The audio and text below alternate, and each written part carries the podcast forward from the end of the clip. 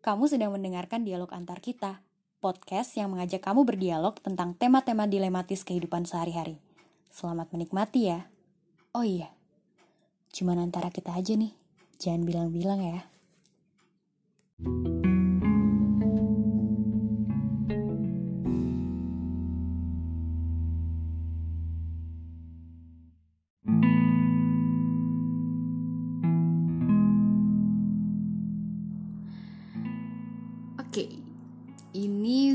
masuk ke podcast ketiga gue. Terima kasih banyak buat teman-teman yang udah dengerin terus-terusan dan udah kasih komen juga ke DM ataupun ke personal gue tentang podcast ini. Thank you so much dan gue masih uh, tungguin feedback dari kalian. Dan kali ini, mungkin kalau kalian lihat dari judul episodenya aja, beberapa dari kalian bakal langsung kayak nyipitin mata, terus ngerutin dahi, Hmm, prinsip yang mungkin bakal langsung dibantah terang-terangan, terutama sama para motivator nih. Kayak mungkin mereka berpikir, ah elah dasar lo aja kali yang hidupnya pesimis, masa orang dilarang buat ngasih selalu yang terbaik. Nah, sebentar. Seperti biasa, sebelum ada lebih banyak negasi dan penolakan dari teman-teman semua, lagi-lagi gue pengen sharing dulu nih sedikit tentang flashback gue di masa lalu. Jadi um, baru aja tadi tuh gue ketemu sama teman sekolah gue nih, temen SMP. Pas gue lagi makan malam sama teman-teman kantor gue. Terus si teman sekolah gue inilah akhirnya bilang sama anak-anak kantor gue kayak sambil bercanda dia bilang kayak eh tahu gak sih dia tuh dulunya selalu jadi murid 10 terbaik gitu di kelas. Gue bingung deh kayak nggak bisa ngalahin dia gitu. Dia cerita gitu sama teman-teman kantor gue. Sontak melihat kondisi gue yang sekarang si anak-anak kantor gue itu kayak lirik-lirikan gitu sama gue dan sama satu sama lain. Mungkin mereka lirik-lirikan lebih ke nanya are you sure anak kayak gini bisa ada di 10 terbaik? Dan gue cuman balas mereka dengan nyengir doang ya emang bener sih kalau dipikir-pikir kayak kalau ada orang yang kenal gue dari zaman sekolah dulu dari zaman SD SMP SMA sampai kuliah dan ketemu lagi sama gue sekarang bakal kaget banget sih ngelihatnya karena di mata teman-teman gue pas sekolah dan kuliah dulu mungkin gue dinilai sebagai anak yang sangat amat ambitious. Tipikal murid atau mahasiswa yang selalu berusaha ngejar dapetin nilai straight A nilainya 90, 80 atau selalu berusaha untuk mempertahankan posisi rankingnya seenggaknya nggak boleh lepas dari 10 besar gitu. Karena memang ya gue dari kecil sama orang tua gue dididik untuk ya lo harus jadi yang terbaik gitu kan. Lo harus jadi anak yang rankingnya 1, 2, 3 bahkan dulu tuh kayak 1, 2, 3, 1, 2, 3 dinilai selalu dari posisi gue sebenarnya posisi ranking. Tipikal jadi akhirnya gue tumbuh jadi orang yang tipikal kalau mau ujian buku catatannya tuh paling sering dipakai buat bahan fotokopian sih buat satu angkatan. Dan pertanyaannya adalah when did everything change?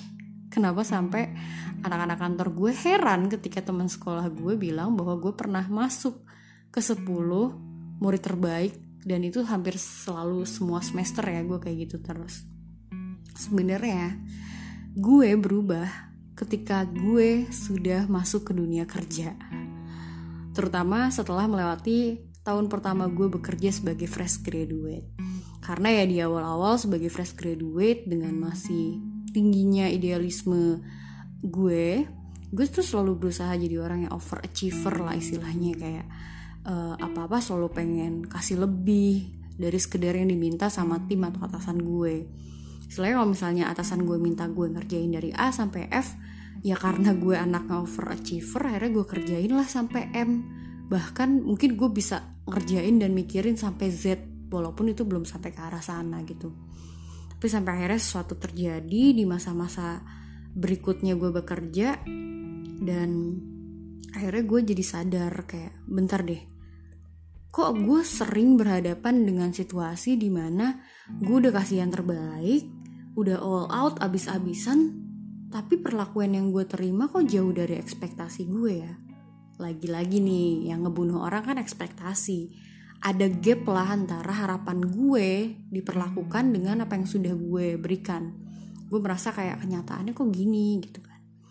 ya ini ngomongin tentang ini sebenarnya nggak selalu soal angka ya kalau di pekerjaan kayak nggak selalu soal gaji gue nggak melulu ngomongin kayak gue udah kerja mati-matian tapi kok gaji gue segini doang gue lebih uh, akhirnya sadar setelah dapat um, perlakuan kayak gimana orang yang sebenarnya diharapkan untuk bisa mengapresiasi hasil kita sedemikian rupa tapi nyatanya bentuk perlakuannya ya udah biasa aja. Seolah-olah bahwa lo ngerjakan sesuatu hal tuh bukan dengan titik darah penghabisan lo gitu kan kayak apalagi nih kalau misalnya di momen-momen pekerjaan itu crucialnya adalah biasanya di ending ketika kita pergi kita tuh ada setidaknya ekspektasi sedikit bahwa mungkin dari atasan kita atau dari rekan kerja kita tuh kita bakal dipertahankan atau diperjuangkan sedemikian rupa.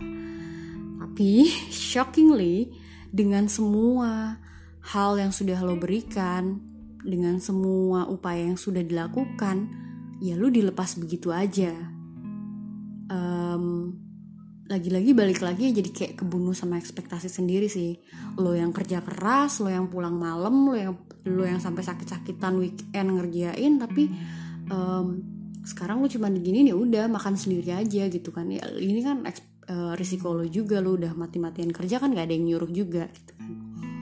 Dan mereka tuh kayak cuman ya makasih deh lu udah kasih yang terbaik. Tapi kalau lo mau cabut bye. Gitu doang.